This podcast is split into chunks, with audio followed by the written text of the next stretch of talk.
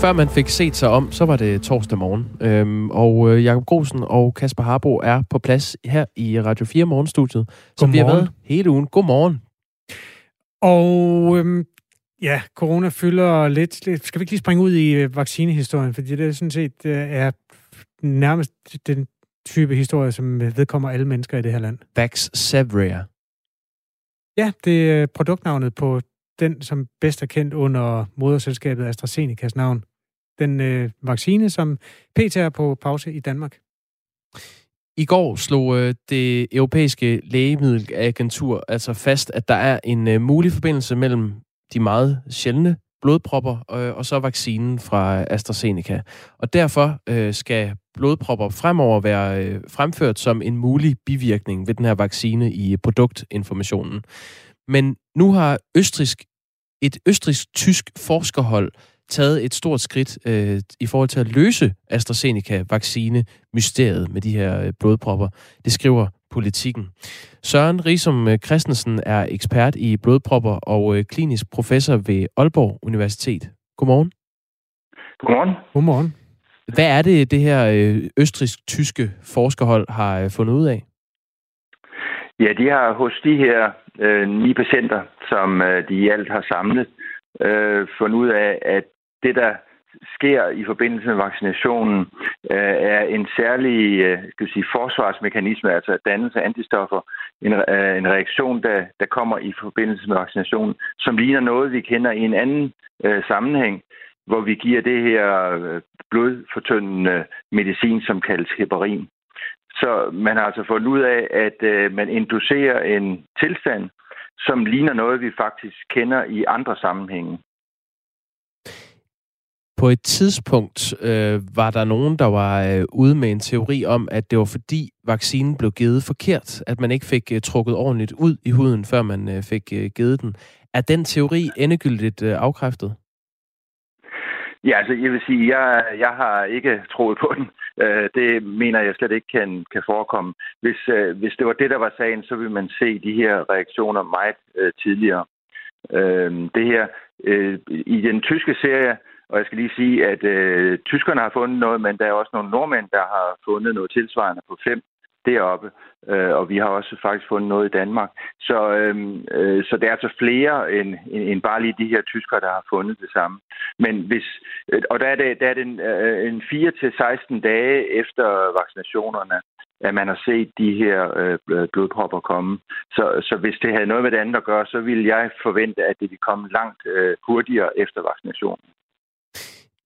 Det her øh, østrisk-tyske forskerhold øh, er kommet frem til resultaterne ved at studere blodet fra ni patienter. Øh, det er otte kvinder og en mand i alderen øh, 22 til 49 år, øh, som fik blodpropper i kombination med et lavt antal blodplader 4 til 16 dage efter den første vaccinations, det første stik med AstraZeneca-vaccinen. Fire af patienterne døde på grund af blodpropperne, og øh, den videnskabelige artikel er endnu ikke øh, peer-reviewed, altså fagfælde bedømt endnu. Men du siger, at det er mere end det her studie, som er baseret på ni mennesker, øh, som peger i retning af en løsning på det her vaccinemysterie.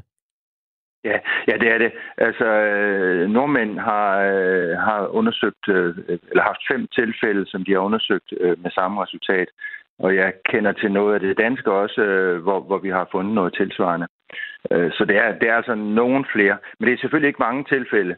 Øh, og man har undret sig over, at der ikke var noget øh, i, i, i England eller UK. Øh, men det er jo lige kommet frem også, at der faktisk er en del tilfælde derovre, hvor man jo har, har vaccineret ganske mange. Øhm, så så øh, jeg mener, at fra flere lande øh, har man nu set øh, det, det, et ensartet billede øh, af den her komplikation. Så jeg mener, at det, det virker ret sikkert, at det må være i sammenhæng med den her vaccination. Det er især folk under 60, øh, og så flest kvinder, der er blevet ramt af blodpropper efter at have modtaget et øh, vaccinestik med den her Vaxzevria-vaccine, øh, eller AstraZenecas vaccine. Men udrulningen af vaccinerne i de forskellige lande har været så forskellige, at der ikke er øh, evidens for at påstå, at yngre og kvinder har en højere risiko end andre for at blive ramt af blodpropper. Det øh, oplyser øh, det europæiske lægemiddelagentur. Storbritannien meldte i går ud, at unge under øh, 30 vil få mulighed for at vælge et alternativ til AstraZeneca, hvis de ønsker det øh, der. Sverige holder fast i, at AstraZeneca-vaccinen kun vil blive givet til borgere over 65 år. Og så er der øh, Sundhedsstyrelsen i Danmark, som kommer med en løsning i næste uge. De østriske forskere har så fundet ud af, hvordan man kan behandle de her blodpropper, hvis man er så uheldig at få en. Hvordan kan man det? Ja, altså man kan sige, at de har i hvert fald et forslag til, hvad de forventer vil kunne behandle det. Øhm, og det er altså et, et præparat, som man giver i andre sammenhænge, som er en, en form for, for antistoffer, og, og også som man giver, men altså antistoffer, som ikke øh, påvirker vores blodplader på nogen måde. Så hvis man giver det, så går de ind og så at sige overdøver de, de dårlige antistoffer her, som kan aktivere blodpladerne, sådan at de ikke rigtig har nogen effekt. Og, og det, som de har set, det er altså, at på, på nogle af de her patienter, hvis de tilsætter det øh, i deres reagensglas, øh, så kan de, så kan de øh, stoppe den her reaktion. Øh, man har også set på nogle patienter tidligere, at, øh, at det har kunnet øh, virke i nogle, en sammenhæng, hvor, hvor man har den her særlige tilstand induceret af, af, af heparin. Øh, så der er ret god sandsynlighed for, at øh, det vil være en behandling, der kan virke. Virolog Jens Lundgren har sagt til TV2, at han ikke vil give vaccinen til sin datter på 30 år. Han vurderer, at det er for risikabelt at få den her vaccine for yngre mennesker, øh, som ikke ellers er i farezonen for at få et alvorligt coronaforløb, hvis man bliver smittet med, med covid-19. Vil du, Søren Risom Christensen, anbefale sådan en vaccine til en kvinde på 30 år? Ja, det er et øh, meget svært spørgsmål, vil jeg sige. Fordi på den ene side, så er risikoen jo ganske lav. Det, det er den. Altså, vi kender den jo ikke helt. Vi har jo ikke rigtig data, og det er måske også underrapporteret. Det kan jo godt være. Men, men måske er det en af 100.000, øh, måske en af 50.000, jeg ved det ikke. Så sandsynligheden er jo meget lille. Øh, men jeg må indrømme, jeg har været stillet spørgsmålet af nogen, øh, fordi de har haft en del øh, bivirkninger, også måske blå mærker og sådan noget efter første øh, vaccinationsstik. Og, og, og jeg, må, jeg må sige, at jeg er i tvivl om, om jeg skal anbefale det. Min hjerne siger, at sandsynligheden for, at der sker noget, øh, er, er ganske lav. Øh, men skulle man nu lige råde en, øh, en person til at tage den, og det ramte lige præcis en person, så vil jeg jo være temmelig øh, ked af det. Så jeg forstår godt Jens Lundgrens øh, bekymring, hvis det endda ligefrem var hans egen datter på 30 år. Jeg, jeg, jeg synes, det er et svært spørgsmål, og, og, og det, er, det er ikke helt enkelt. Det, du gør redde for der, er, at det er, hvis du skulle rådgive et samfund, så vil du sige, den der 1 60. 60. tusinde del er måske værd at leve med. Men for den enkelte person er den ubærlig. Er det, er det der, du står? Det, det, er jo, det er jo lige præcis det. Ja, det er det. Det er rigtigt. Hvad gør vi ved det? Nogen skal jo tage en beslutning.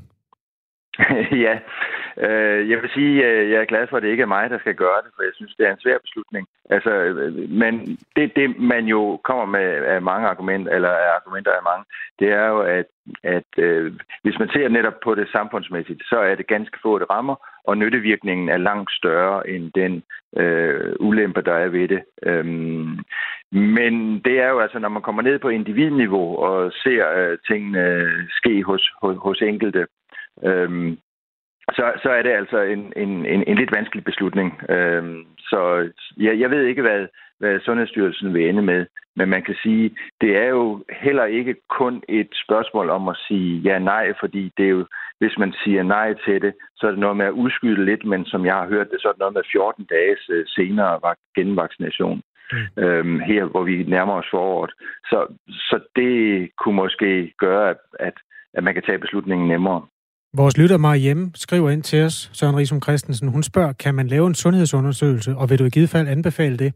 Altså kan man se på den enkelte patient, om vedkommende kan holde til at få de bivirkninger, som der kan komme? Ja, nej, desværre har vi ikke nogen mulighed for at forudse, hvem det er, der, der får det. Øh, så, så det har vi ikke noget af overhovedet, nej. Tak fordi du vil øh, fortælle om de dilemmaer, der er i det her, Søren Risum Christensen. Ja, selv tak ekspert i blodpropper og klinisk professor ved Universitetet i Aalborg. Klokken er 14 minutter over syv. Øh, Mariems sms og i øvrigt alle andre skal skrives til 1424 og start din besked med R4 og et mellemrum. Sandsynligheden øh, for at dø som 30-årig rask kvinde, som smittes med covid, øh, er langt mindre end, end 1 til 50.000, skriver Jon på sms'en.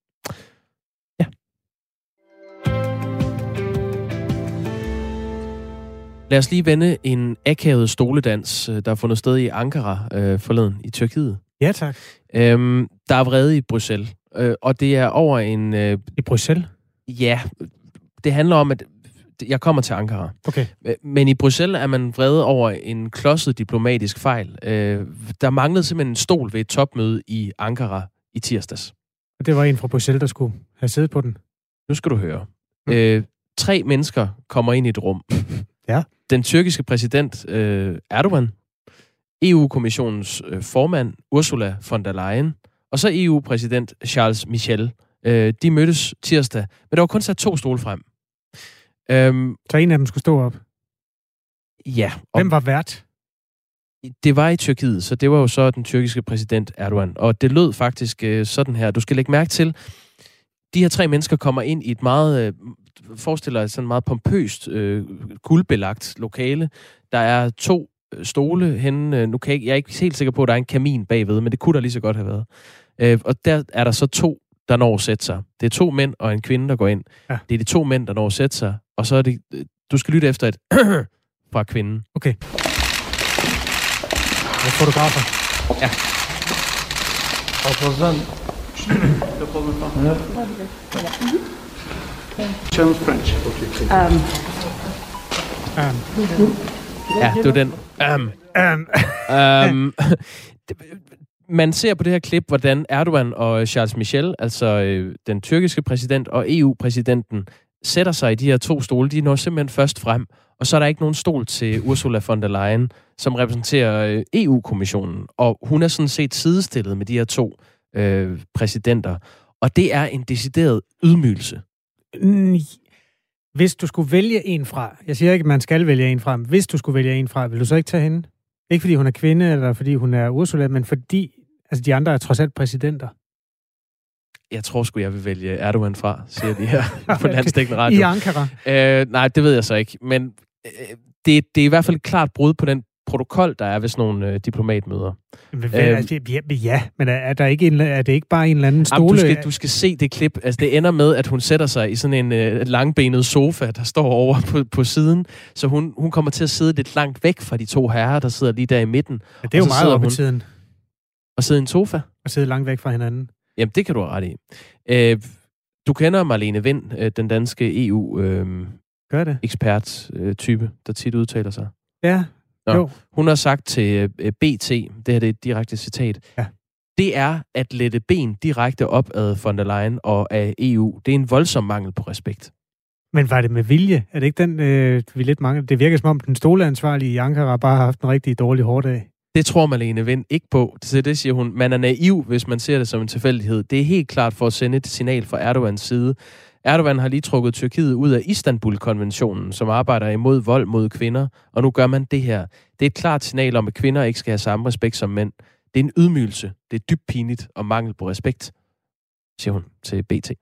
Ja, bare, ikke... ja, bare det, at det kan tolkes sådan, så er den jo allerede gal. Ja, og der er ikke nogen øh, officielle udmeldinger, hverken fra Tyrkiet, eller fra øh, EU, eller fra Charles Michel. Øh, men den bør altså øh, være på vej. I hvert fald, det mener Malene Vind i hvert fald. Det her, det, er, det kan man ikke byde nogen, siger hun.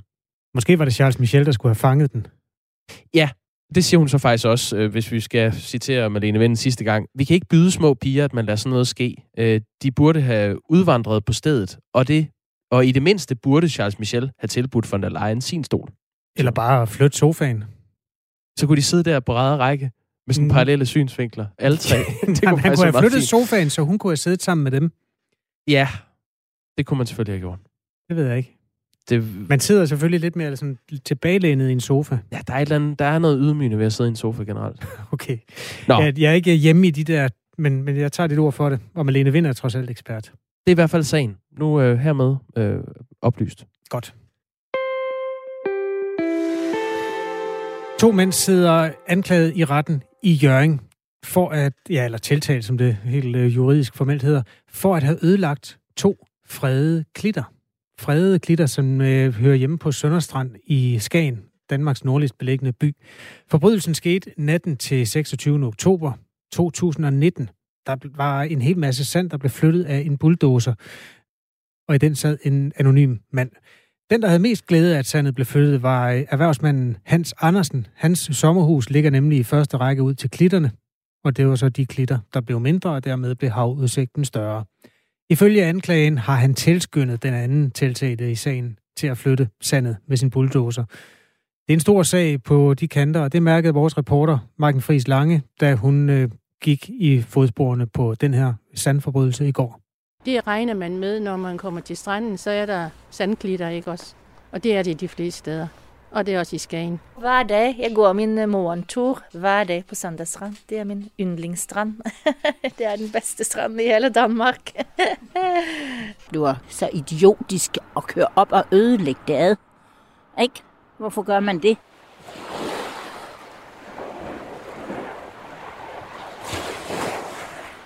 alle her i Skagen, de kender Sønderstrand, og jeg kan virkelig godt forstå det, for de har utrolig smukt.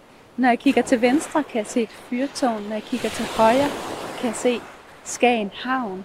Lige ud, jamen der er havet, og bag ved mig, så er de her to klitter, der blev udsat for herværk en oktobernat i 2019. Jeg hedder Anne Bjerg Thomsen, og jeg er kunstformidler på Skagens Kunstmuseer, og jeg er født og opvokset i Skagen og har boet her det meste af mit liv. Og nu står vi så mellem de to klitter, der, er, der blev ødelagt, og øh, har du ikke lyst til lige at beskrive, hvordan de ser ud nu her, så den godt halvandet år efter?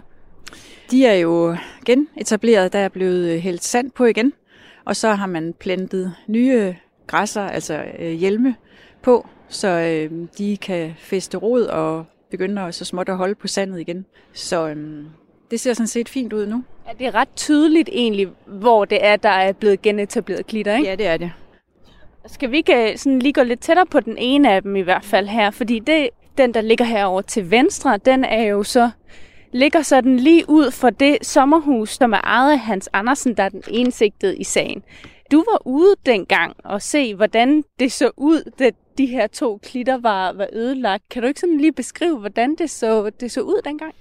Det så, øh, det så ret voldsomt ud, synes jeg. Jeg var sådan vildt chokeret, må jeg nok sige, fordi øh, man kunne tydeligt se, der var gravet, og der stak øh, jo øh, rødder op, som var revet over og sådan noget. Så det var meget tydeligt, der var blevet øh, gravet godt til her. Nu er der jo et, øh, et hegn for den her klit, øh, og det er jo selvfølgelig, fordi man ikke må gå derop, men jeg tænker, vi kunne måske godt lige gå op derhenne, hvor øh, øh, det kan der ikke ske noget. Det er sådan lige tæt ved der, hvor de har, øh, det er meget tydeligt, at de har genetableret klitten. Tænker du ikke godt, man må det? Lige gå derop. Åh, oh, ens fødder, de, øh, de forsvinder her i. Se, hvis vi holder os lidt herude på kanten. Kan du? Ja. Skal du have en hånd? nu står vi så lige her øh, jamen på toppen af klitten, mm. en, en, en 3 meter øh, penge op, og kan tydeligt se sådan det her meget bare område, hvor øh, der er blevet plantet noget nyt græs, mm. øh, og så er der kommet en masse sand på. Hvorfor er det her ikke bare en bunke sand? Jamen altså, det kan man jo sige, det, det er det jo også, men det er en del af, det er den der oplevelse af en, en helhed, som gør, at det her er mere end en sandbunke, fordi den er en del af en uh, unik helhed heroppe. Og man kan jo nok også godt kalde det her et historisk sted. Hvilken betydning havde det her område og Sønderstrand for, øhm, for de kunstnere, øh, som, som, øh, som Skagen er blevet så kendt for? Det, de, vi kan se, de skriver til hinanden, det er, at naturen er stor og åben og anderledes. Den er uberørt af menneskehånd. Den har aldrig været opdyrket, så det er heder, det er moser, det er brede hvide sandstrande, det er høje klitter, og det er det her hav, der er bruser omkring Skagen. De to have, der mødes ude på grenen. Øh, og selvfølgelig var de jo optaget af lys, de var optaget af skygger, de var optaget af farver, men naturen har været et af, et af de helt store attraktioner for dem. Det har det virkelig været. Og, og, og Sønderstrand, det var i hvert fald et af dem. Men når man så i tv for eksempel i 2019, hvor sure skavbordene kunne blive over, at den var ødelagt, er det ikke lidt voldsomt, når man tænker på, det er jo egentlig bare noget sand? jo, det kan, det, det, det kan man jo øh, godt sige, men det er bare et indgreb i noget, som øh, har en værdi for, for rigtig mange, og som vi også gør meget for at passe på. Altså, øh, jeg var jo en dag lidt tøvende over at gå herop, fordi øh, vi kommer let til at rive nogle rødder op, og, øh, og det der med at, øh, at starte en sand øh, fyning her, det er aldrig godt i Skagen, fordi det sidder ret dybt i rigtig mange skavbord, at sandet, det skal altså styres, for ellers så tager det altså overhånd. Øh, fordi der har jo været en sandflugtsperiode heroppe over 300 år, hvor blandt andet kirken, St. Lorenz Kirke, blev helt øh, sandet til og står derude som øh, kun et kirketårn, den tilsandede kirke. Så sådan noget, det, øh, det ligger stadigvæk dybt i os, øh, selvom der er jo ikke nogen af os, der har oplevet det, eller jeg har engang nogle forfædre heroppe, som jeg praler af. Men det er en del af vores identitet heroppe, at havet og øh, altså naturen er, er stor og mægtig, og vi, er altså, vi skal være ydmyge over for det og respektere det. Hvor meget af, af den, den her sag også en historie om, om nogen, der kommer udefra og ødelægger noget af det etablerede øh, her i Skagen? Det er sådan set en, øh, en øh, lidt gammel historie her i Skagen, at der kommer nogen til Skagen og ikke øh, har kendskab til naturen, eller tror, at, at det nok ikke er så galt i virkeligheden, når man kommer herop. Og det, øh, det er det altså. Det er voldsomt. Øh, man kan ikke øh, have en badebro her, for eksempel. Den bliver slået til pindebranden og sådan noget. Så, så naturens styrke herop kan godt komme bag på nogen. Skal vi ikke øh, gå ned igen så? Så står vi ikke her. Eller sætter nogen sandfyning i gang. Skal vi gå om på den anden side af, øh, af klitten her? Der er jo brugt enormt mange penge på at genetablere det her. Nu kan det være, at regningen bliver placeret i retssagen, men indtil videre har det jo været kommunen, der har betalt 40.000 kroner. Hvorfor er det det værd? Jeg, jeg synes jo, det er, det er meget vigtigt, at øh, det her bliver et eksempel på, hvad der kan ske, når man øh, ikke respekterer, at naturen er fredet. Altså, det burde virkelig ikke være nødvendigt, tænker jeg. Altså, enhver burde jo vide, at det, det her, det gør man ikke. Så i, altså, i mine øjne, der er det vigtigt, at det her, det bliver ligesom en, en milepæl. Man kan sige, altså, køber du et hus sådan et sted her, så, så, så, så må du ikke gøre det her. Og jeg tror desværre, det er nødvendigt, at, øh, at der er så stor en øh, konsekvens, øh, for at det bliver respekteret. Det tror jeg faktisk. Øh, så det virker afskrækkende for alle, at det her det er fuldstændig uacceptabelt. Jeg er taget lidt væk fra stranden, og så herind til Skagen by her, hvor butikkerne er, for at spørge skavbrugerne, om Sønderstrand og de klitter er vigtige for dem. Jeg synes da godt nok, du er så idiotisk at køre op og ødelægge det ad. Ikke? Hvorfor gør man det? Er det ikke bare en bunke sand? Nej, det ved jeg ikke. Det er da en pæn klit. ikke? Det skal være sådan.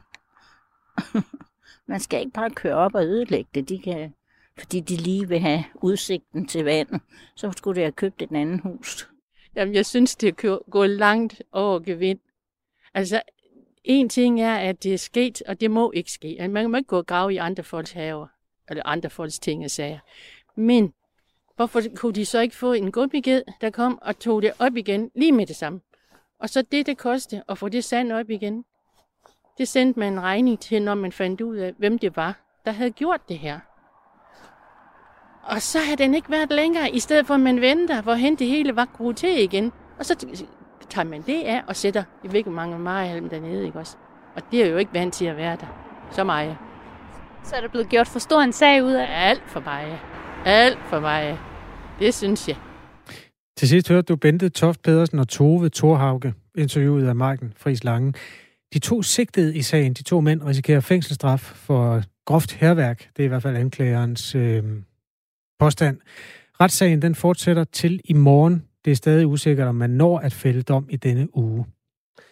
Øh, vores lytter Kim skriver, de har da forhåbentlig lavet de nyetablerede klitter et par meter højere lige foran Hans Andersens sommerhus. Det er bedre at have sand på stranden ind i hovedet. Godmorgen for Kim. Det er i hvert fald sådan, at der var stor uenighed om, hvor meget sand der var flyttet.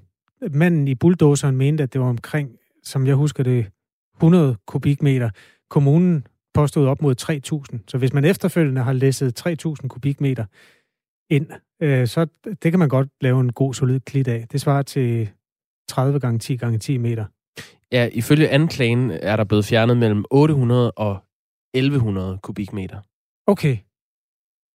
Alright. Nå, jamen det, det, det omregner jeg på et andet tidspunkt. Det er en masse sand. Øh, vi må håbe, han bliver frosset ud af byen, skriver Lars Madsen. Klokken er halv otte. Der er nyheder på Radio 4.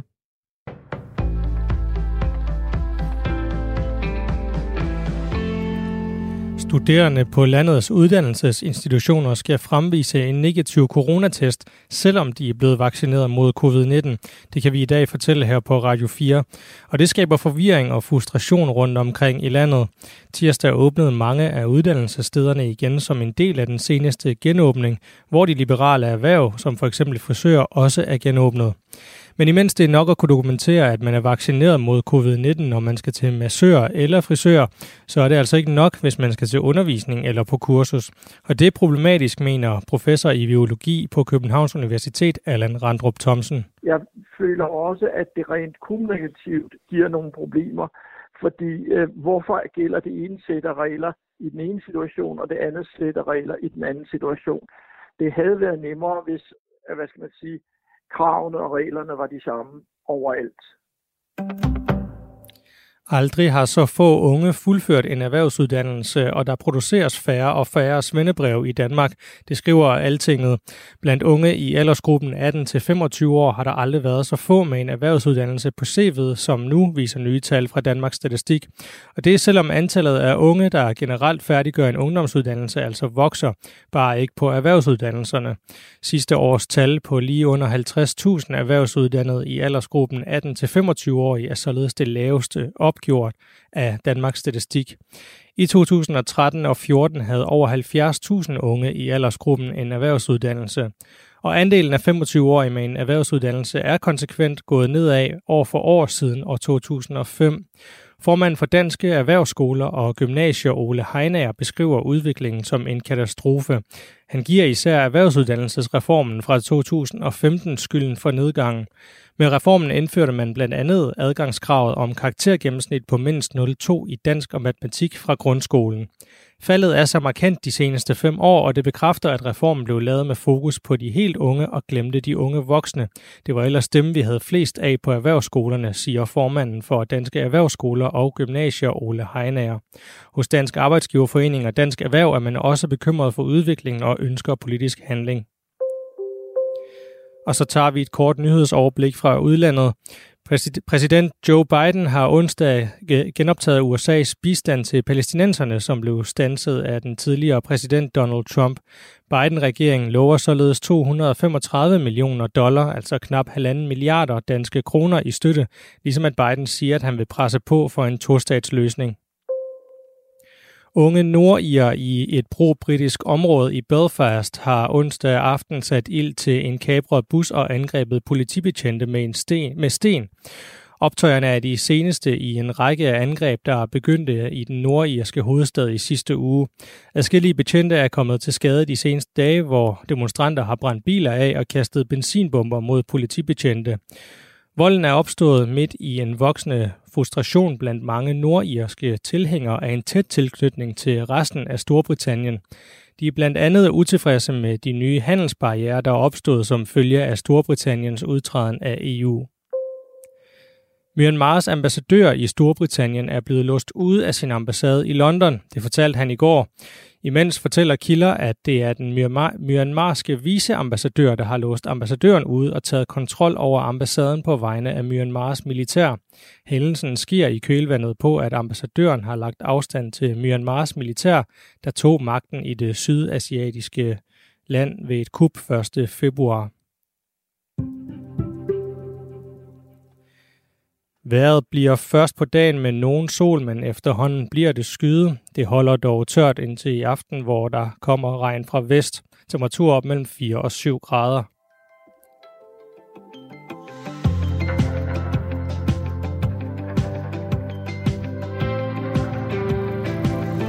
Nogle gange kommer der regn fra vest i april, som Prince siger. Øh, vi har gang i et stykke forbrugerjournalistik. Det er ikke en sådan forbrugervagthund af den type, som virkelig bider folks ben af. Det er en, en sådan rolig hund, kan man sige. I dag tester vi, om fyrfadslys med en lovet brændetid på 6 timer kan brænde i 6 timer. Jeg indledte med at tænde de to. Jeg har taget to for øh, eksperimentets skyld. Jeg tændte dem klokken 6 i dag. Vi slukker dem klokken 9, når udsendelsen slutter. Tænder dem igen i morgen fredag klokken 6.00. Og så skal de, hvis de holder, hvad de lover fra Asp Holmblad, som er leverandør af de her sterinlys, så skal de gå ud klokken præcis 9.00. Jeg anbefaler derfor lyttere, der hører dette som podcast, at øh, fortsætte ind i det efterfølgende afsnit. Altså, hør fredagens udsendelse også, så du får det hele med. Øhm, der, der er faktisk mange bud på, hvordan man, hvilke ting man kunne rette den her forbrugerhunds øh, slow radio øjne mod. Ja, øhm, lad os da starte med en, der konstaterer, at det er fandme i gulvhøjde, det du har gang i. det, er, øhm, det, det er noget, alle skal bruge. Øh, Paul foreslår, øh, at man tester en nem måde at åbne risposer på. Fandme en god idé, Paul. Tak, Paul. Der er også en her. Jeg har flere gange oplevet, at der er for lidt i øh, din pose, for eksempel øh, krokus eller mel øh, med mere, vi køber. Tror du ikke, der står kokosmel? eller, ja, der står krokusmel, men der er der, ikke for... Der er komma. Krokus, komma, mel med mere, vi køber. Der er ikke noget, der hedder krokusmel. Nej, men det er, det er to forskellige ord. Så der er for få krokus i en pose med krokus? Nej, men der står... Øh, prøv du at læse den sms op, og så jeg har uddrag gange det. Op... Lad os jeg... høre dit abstract. Det, jeg tror, vedkommende mener, er, jeg har flere gange oplevet, at der er for lidt i din pose, for eksempel med kokosmel, vi køber. Hvor meget mindre må der være i sådan en pose i forhold til, hvad der står på posen? Okay. Det er det, jeg tror. Tak for det bud. Øhm, her i Nielsen i øh, Gentofte stempler ind. Hvis I varmer en kop olie op og lader den stå på bordet, og i en anden kop hælder koldpresset olie op, hvilken olie bliver først dårlig og lugter harsk? Det er simpelthen slow radio, og noget, man kan bruge til noget. Tusind tak. Bliv bare ved med, at hvis der skulle være flere, der sidder med en god idé til øh, det her radioforbrugerjournalistik, som er øh, det, man kalder den tredje dims. Det kommer ikke til at lægge beslag på hele radiosendetiden, men det er godt at have øh, noget, man kan vende tilbage til. PC kan oplyse, at øh, lysene ikke er brændt halvt ned endnu, men jeg synes faktisk, de nærmer sig. Jeg er meget spændt på, om de kan holde de berammede 6 timers brændtid, de der lys. Der er en lytter her, der forudgriber begivenhederne, øh, skriver, er testet hvis lyset slukkes undervejs, holder brændetiden ikke. Det er jo interessant. Så det vil sige, hvis du slukker lyset her klokken 9, og så tænder det i morgen klokken 6, så holder det altså ikke frem til klokken 9 i morgen. Det er det, kompliceret. Ja. Øhm, vi... Okay, det, vil, det vil, må vi lige øh, vende tilbage til. Lige nu er klokken 7.37. Du hører Radio 4 morgen.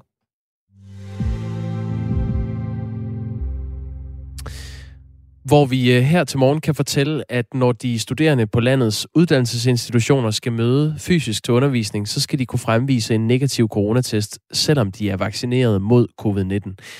Det fremgår af Uddannelses- og Undervisningsministeriets vejledninger og bekendtgørelser for området. Blandt andet den, der hedder bekendtgørelse om lukning og genåbning samt andre særlige restriktioner for uddannelsesinstitutioner på Uddannelses- og Forskningsministeriets område i forbindelse med håndtering af covid-19 som juraprofessor på Københavns Universitet, Christian Sedervald Lauta, har kigget på for os. Det står meget klart, at dem, som er undtaget fra test, det er folk, der af medicinske årsager ikke bør få taget testen. Øh, det er folk, som, som følge af fysiske eller psykiske funktionsnedsættelser ikke bør få taget testen. Og så er det folk, der har tidligere har været smittet med covid-19 inden for et nærmere bestemt tidsrum. Så derfra må det meget klart øh, sluttes, at folk, der er øh, vaccineret, de, øh, de, de skal altså komme med en test. Og det er både ulogisk og et problem, at man ikke kan blive undtaget for test, når man er vaccineret. Det mener professor i biologi ved Københavns Universitet, Allan Randrup Thomsen. Vi har jo meget testkapacitet, men, men hvis man skal lave dobbelt arbejde, hvad jo sådan set anser det her lidt for at være, at du både skal være vaccineret, og så også er test, jamen så kan vi jo hurtigt få, få, få brugt mange ressourcer på at teste nogen, hvor sandsynligheden for at fange nogen er meget lille. Det siger altså professor i biologi ved Københavns Universitet, øh, Allan Randrup Thomsen. Godmorgen, øh, Dorte Berns. Godmorgen. leder for voksen special undervisning i Forborg Midtfyn Kommune, øh, hvor du også står for undervisning af voksne med forskellige funktionsnedsættelser og handicap. Du sendte os faktisk en sms om det her forleden, øh, fordi du undrede dig over det. Det er derfor, vi har kigget nærmere øh, på sagen. På specialundervisningsområdet er der ikke et krav til en negativ test, men det er en kraftig opfordring øh, til, at man skal lade sig teste. Hvordan er det et problem, som du ser det, at en øh, vaccine ikke er nok for dem, I underviser? Jamen det er det, fordi at en del af vores øh, borgere øh, er ældre borgere, som er blevet vaccineret. Øh, og nogle af dem øh, har måske en hjerneskade, som gør, at øh, kompleksitet kan være svær at, at håndtere. Øh, når vi så ringer til dem og siger, at øh, vi vil kraftigt opfordre jer til at blive testet, så siger de jo selvfølgelig, jamen jeg er jo vaccineret. Og så siger vi, ja, men på vores område, der er det faktisk sådan, at det stadigvæk øh, opfordres til, at man får en test. Og, øh, og det giver jo stor forvirring, fordi det er jo ikke det, de hører i alle mulige andre sammenhæng. Øhm, så, så vi har nogle, nogle øh, ældre borgere, som kan blive, øh, blive noget forvirret over det, at vi så siger noget andet, end det, der bliver sagt i alle andre steder og i medier med frisører og sådan nogle steder. Men er det et problem, udover at de bliver lidt forvirret over det? Øh, altså man kan sige, det, det øh, var det, da det startede det her. Det gjorde det her midt i marts, at, øh, at, de, øh, at de skulle opfordres til at blive testet. Og, og der havde vi jo en hel gruppe, som vi måtte snakke med flere gange, fordi de blev ved med at være sådan lidt, ah, kan det være rigtigt? Og, og, de, og de siger jo, at når man er vaccineret, skal man ikke testes. Øh, man kan sige, problemet er ikke større, end at så fortæller vi dem, at det er faktisk det, der står i vores vejledning, og så siger de, nå okay, og, og så er det det. Men det, det giver noget forvirring. Hvor mange kursister har I, og hvor mange af dem er vaccineret? Altså, det ved jeg ikke præcist, men jeg vil, vi, vi har på årsbasis cirka 200 øh, kursister omkring os, og jeg vil tro, at øh, en, en 20-30 procent af dem er vaccineret nu. Og det vokser, for vi har utrolig mange ældre øh, i vores, øh, hvad hedder man sige, at, at dem, der kommer fra undervisning hos os. Hos øh, frisøren kan man jo med sit coronapas på telefonen eller i øh, papirform dokumentere, at man er vaccineret, og så behøver man ikke en negativ test. Øh, men ifølge bekendtgørelserne på øh, området, så skal de studerende kunne dokumentere, at vedkommende inden for de seneste 72 timer, øh, dog højst to gange jævnt fordelt over de seneste syv dage, øh, ha, har opnået et negativt undersøgelsesresultat ved øh, gennemførelse af enten en PCR-test eller en antigen-test. Øh, det gælder bortset fra på, øh, på ungdomsuddannelser for unge med særlige behov og undervisning efter lov om specialundervisning for voksne. Her øh, bliver man kraftigt opfordret til, øh, til test.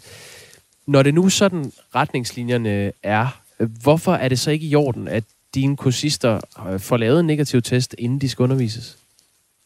Jamen det er det sådan set også. Det, det tager jeg ikke stilling til, om det ikke er i orden eller ej. Det, jeg synes bare, det giver noget forvirring øh, for, øh, for vores, øh, jamen altså faktisk både for mine undervisere, som jo skal kontrollere de her test, men jo også for, for borgerne, at retningslinjen ikke er ens. Altså det virker håbløst, at du kan godt smitte, hvis du er vaccineret, når du har undervisning, men du kan ikke, hvis du går til frisøren.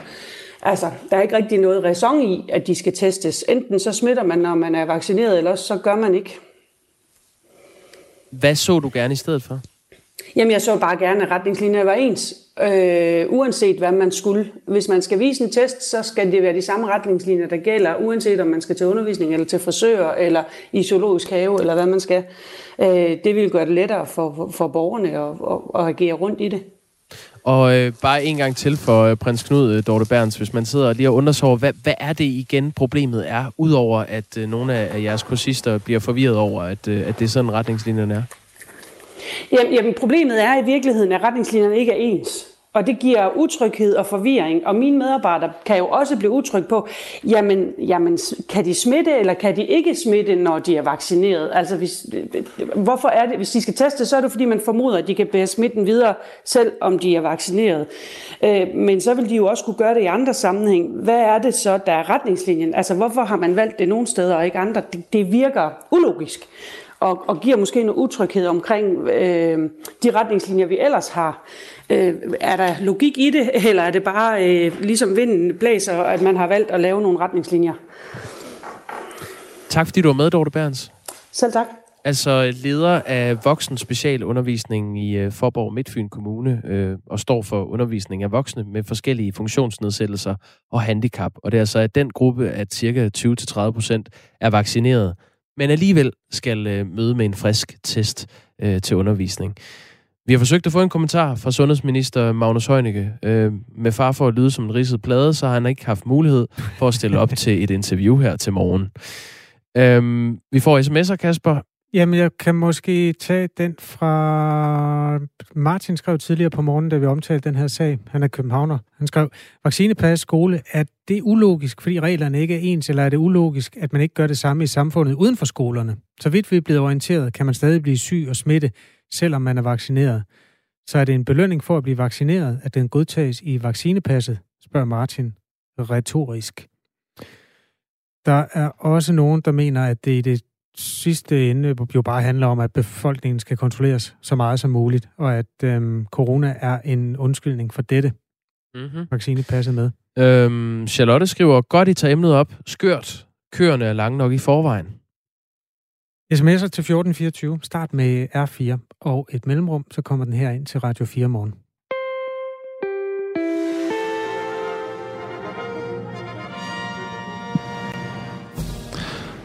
Please rise for the national anthem of the Kingdom of Denmark, followed by the national anthem of the United States of America, both performed by the Prince of Denmark, Denmark Band.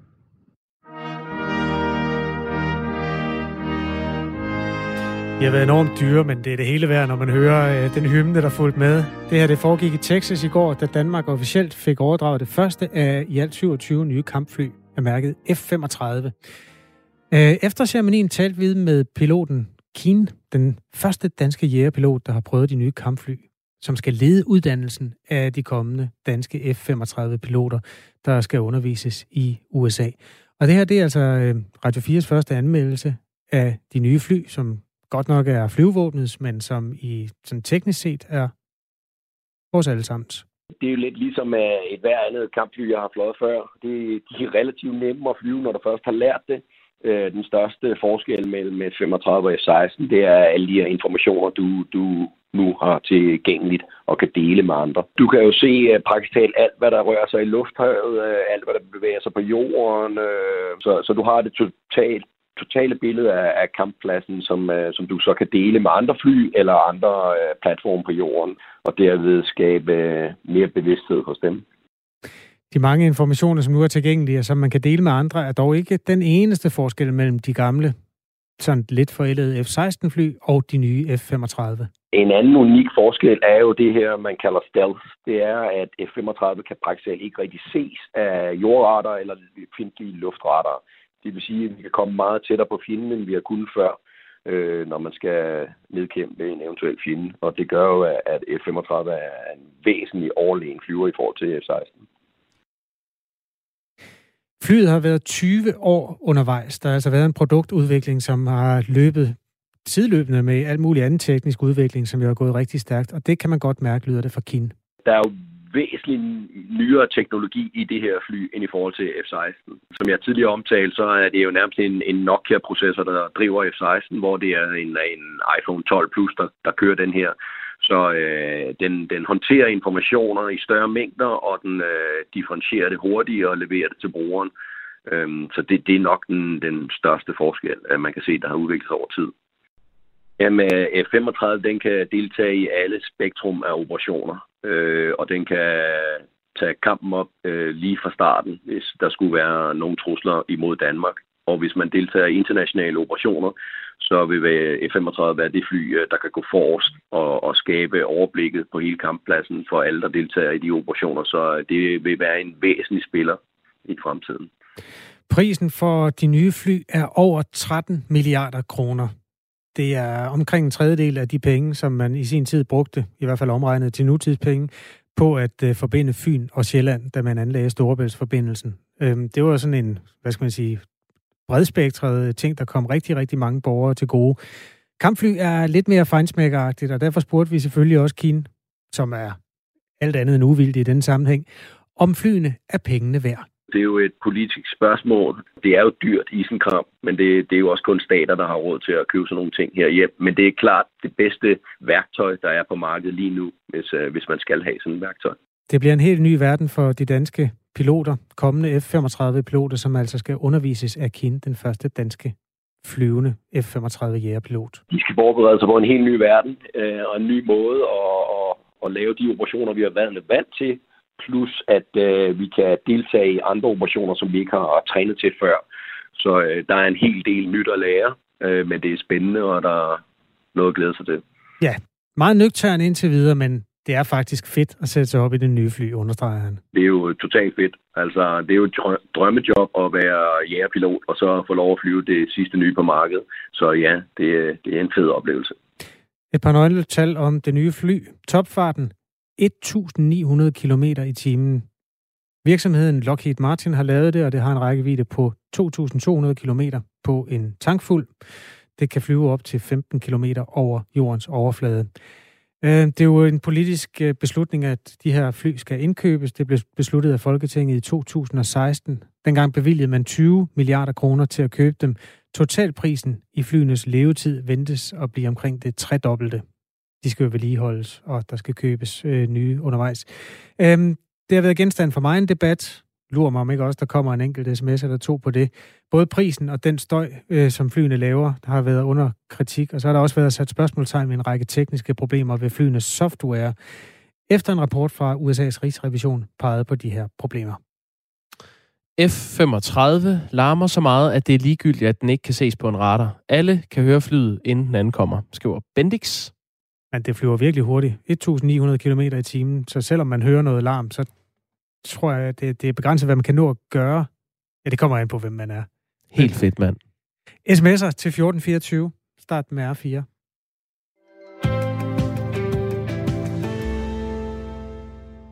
Den russiske oppositionsleder øh, Alexei Navalny får det tiltagende øh, dårligere i det fængsel, øh, som han befinder sig i uden for den russiske hovedstad Moskva, hvor han øh, i øjeblikket afsoner en fængselsdom. Han har alvorlige rygproblemer, og hans tilstand forværres med symptomer, som øh, spreder sig til både ben og arme og hænder. Og så er han også midt i en øh, sultestrække for at få lægehjælp udefra. Det fortæller hans advokat Vadim Kopsev. Uh, Flemming Splidsbol er uh, seniorforsker ved Dansk Institut for Internationale Studier og Ruslands ekspert. Godmorgen. Ja, godmorgen. Hvor skidt ved vi, uh, at det står til med Navalny lige nu? Det er jo svært at sige. Det er jo, det er jo øh, nogle forskellige øh, fortællinger, vi får derfra. Altså Navalny og hans støtter siger jo selv, at det, er, at det efterhånden er ved at være kritisk. Og øh, han peger på nogle af de problemer, som du også nævner her indledningsvis, og, og siger, at noget af det måske stammer tilbage fra øh, attentatforsøg på ham i august måned sidste år, og, og det var jo med den her nervegift Novichok, øh, hvor han lå i koma også øh, et stykke tid. Og han siger, at han har de her problemer, og de er blevet værre øh, på grund af forholdene i fængslet, også på grund af det forhold, at han bliver udsat for tortur efter eget udsagn. Øh, blandt andet ved, at han øh, bliver frarådet sin øh, søvn. Han bliver vækket flere gange hver nat. Øh, og på den anden side, så står myndighedernes forklaring jo, og de siger, at, øh, at der sådan set ikke er noget galt med Navalny, og, og i den, øh, den udstrækning, der er nogle øh, fysiske problemer, medicinske problemer med ham, jamen så får han altså den hjælp, han har brug for. Hvad tror du mest på? Jamen, jeg tror mest på, at de, øh, at de presser ham hårdt. Øh, det var jo et øh, attentatforsøg, som, som den russiske sikkerhedstjeneste FSB til Sydlandet stod bag i et forsøg på at få likvideret Navalny og få ham skaffet af vejen. Og, og nu er der så en mulighed for, at man, man ligesom kan presse ham i det daglige, blandt andet ved, ved en noget hårdhændet behandling, inklusiv jo også muligvis tortur. Lad os lige oprise sagen, Flemming Spidsbol. Øhm, oppositionslederen Navalny blev forgiftet i august øh, 2020 og vendte hjem til Rusland i januar efter længere tids øh, behandling i Tyskland, hvor han også øh, nåede at ligge i koma. Ved hjemkomsten til Rusland blev han anholdt øh, for, ifølge myndighederne, at have brudt reglerne i forbindelse med en betinget dom, han fik tilbage i 2014. Og senere i begyndelsen af februar blev han så sendt i fængsel, da en domstol ændrede en betinget dom på 3,5 års fængsel til en ubetinget straf. Hvad, øh, hvor meget ved vi om det fængsel, han øh, er blevet øh, placeret i, Navalny? Ja, vi ved, det er et, øh, det er et fængsel, som, øh, som har et ry for at være hårdt, øh, hvor fanger bliver presset. Det øh, ligger i en by, der hedder Pakrov, som er i Vladimir-regionen. Øh, det er øst for Moskva, og der er omkring 100 km mellem Pakrov og, øh, og Moskva. Og de har altså ry for at, øh, at være et hårdt sted. Øh, samtidig skal vi jo så nok forestille os, at der er forskel på den måde, fanger behandles. Øh, der kan være nogen, som som er, øh, hvad kan man sige, hvor man er mere øh, nervøs måske for, for omtale, og så kan der være nogen som Navalny, hvor man, øh, hvor man måske giver den øh, en lidt hårdere behandling, øh, simpelthen for at straffe ham ekstra, men måske også for at sende et signal til andre medlemmer af den russiske opposition. Øh, så det er et fængsel, som, som er kendt, og som har været det i, øh, igennem nogle år, for at være et af de, øh, en af de mere hårde sådan, arbejdslejre øh, i, øh, i det russiske fængselssystem. Den her 44-årige øh, fremtrædende kritiker, øh, Navalny, altså af præsident Vladimir Putin, øh, indledte i sidste uge en øh, sultestrække i protest øh, mod de forhold, som han bliver budt i det her fængselscenter, hvor han skal afzone en dom på to og et halvt års øh, fængsel. Og efter sine betyder sultestrækken, at Navalny taber et kilo om dagen. Det er alligevel voldsomt. Øh, får det nogen som helst effekt på øh, Navalnys forhold i fængslet, at han øh, er i gang med en sultestrække? Det tror jeg ikke, det vil gøre umiddelbart. Der vil øh, man lade ham gennemføre sultestrækket. Det skulle snarere være, hvis der på et senere tidspunkt, og der, det er jo uklart, og det er jo bestemt ikke min ekspertise, må jeg sige, hvor længe han kan klare sig i, igennem en sultestrække. Men, øh, men han vil selvfølgelig kunne klare sig et, øh, et godt stykke tid, og, og det skulle snarere være, når vi kommer længere hen, at der kommer så stort internationalt pres, at de russiske myndigheder er nødt til at gøre noget. Øh, indtil videre tror jeg, de vil lade ham køre en, øh, en sultestrække, øh, se hvad der sker, og så ligesom øh, selv lade ham, lade ham tage ansvaret for det, lade ham påføre sig selv øh, de skader, som skulle komme i forbindelse med en, en sultestrække, og så vil de afvente den, øh, den politiske reaktion, som vil komme fra især vestlig side. I går sagde menneskerettighedsorganisationen Amnesty International, at Navalny blev øh, budt på forhold, som kunne betegnes som to- øh, tortur. Det er også det, du øh, taler om, Flemming Spidsbol. Og som altså langsomt kan komme til at gøre det af med, øh, med øh, Navalny. Og det har blandt andet startet en diskussion i USA om, hvorvidt den amerikanske regering og det internationale samfund bør indføre flere sanktioner over for, øh, for Rusland. Øhm, kan man gøre noget for at hindre det, der i sidste ende kan øh, betyde, at Navalny øh, dør? Ja, det kan man jo, hvis, øh, hvis der er et politisk ønske om det, men det vil jo være sanktioner i en anden kategori, end det vi har set indtil videre. Og der har man jo i USA talt om øh, igennem noget tid, at, øh, at, at gennemføre sådan en form for Navalny Act. Og der er måske nogle af lytterne her, der, der kender til den såkaldte Magnitsky Act, som øh, er amerikansk. Den blev gennemført af tidligere præsident øh, Barack Obama. Og det var efter... Øh, efter drabet på en, øh, på en øh, russisk øh, kritiker, øh, Magnitsky. Øh, og Magnitsky Act bliver brugt til at øh, indføre sanktioner mod øh, enkeltpersoner rundt omkring. I første omgang var det i Rusland, og nu er den så blevet øh, verdensomdækkende, øh, verdensdækkende. Og det er, øh, det er altså sanktioner mod individer, som øh, forbryder sig mod menneskerettigheder. Og der taler man om at lave en Navalny Act, som er en form for Magnitsky Act, men på steroider. Og det vil sige, at det vil være meget mere hårdt slående. Så, så der vil være mulighed for at gå ind, for eksempel at kigge på sådan noget som det finansielle system, finansielle transaktioner, Ruslands mulighed for at deltage i forskellige former for samarbejde. Men, øh, men det vil også være, være meget dramatisk, og det vil få store konsekvenser for, for forholdet mellem Rusland og USA. Tak fordi du var med, Flemming Spydsbol. Selv tak dig. Seniorforsker ved Dansk Institut for Internationale Studier og Rusland ekspert. Og øh, i mellemtiden så øh, sultestrækker Navalny altså øh, videre i det her øh, modbydelige fængsel, han befinder sig i. I den mere sådan kuriøse afdeling, der er han øh, oplyst, at man fra fangevogternes side har været i gang med at grille en kylling tæt på ham. Måske for at friste ham over evne. Og de har angiveligt også puttet slik i hans lommer. Det har han selv oplyst på Instagram. Jamen, det er noget underligt noget. Øhm, klokken den er som sagt halvanden minut i otte. Vi kan lige nå et par sms'er, der relaterer sig til nyheden, vi havde før, eller reportagelyden og interviewet, vi havde før. Vi har jo fået, vi som nation betragtet, vores første eksemplar af flyrasen F-35, som har en topfart på 1.900 km i timen, og Ja, nogen skriver jo blandt, nogen skrev blandt andet, at øh, de larmer så meget, så det er lige meget, de ikke kan ses på en radar. Der er faktisk en vigtig nuance, som vores lytter Kasper har fået øje på. Man kan ikke høre F-35, når det flyver hurtigere end lyden. Så kan man først høre det, når det er passeret. hvilket han har ret i. Point taken, Kasper. Tak for det. Øhm, Jette skriver, det lyder hurtigt med de fly. Kan de eventuelt udlånes til PostNord? Det har lige taget dem en uge at bringe en pakke fra Aarhus til Skanderborg. Gå, Jette. Det kunne i hvert fald... Kan vi lige regne det ud? Kan du regne det ud? 1900 km i timen. Hvor langt er det, der er mellem Aarhus og Skanderborg? 30 km? 25. Øh, nej, det kan jeg ikke regne ud. Det, det tager, hvad, tre sekunder? det ved jeg ikke. Øhm, Kan det passe? Nå? Jamen, jeg vil bare tage den der med, kan det passe, at den flyver langsommere? Det er Dan, der skriver, flyver den langsommere end F-16 på toppen. Og det gør den faktisk. Ja. F-16 kunne op til 2400. Dennis, øh, som bor i 4700, han øh, skriver, Godmorgen I to. 1900 km i timen. Ses på grillen der. Vi ses på grillen. Der er nyheder på Radio 4. Det er Ejn Amri Pur. Og øhm, du lytter til Radio 4 morgen med Grosen og Harbo. Nu er klokken blevet 8.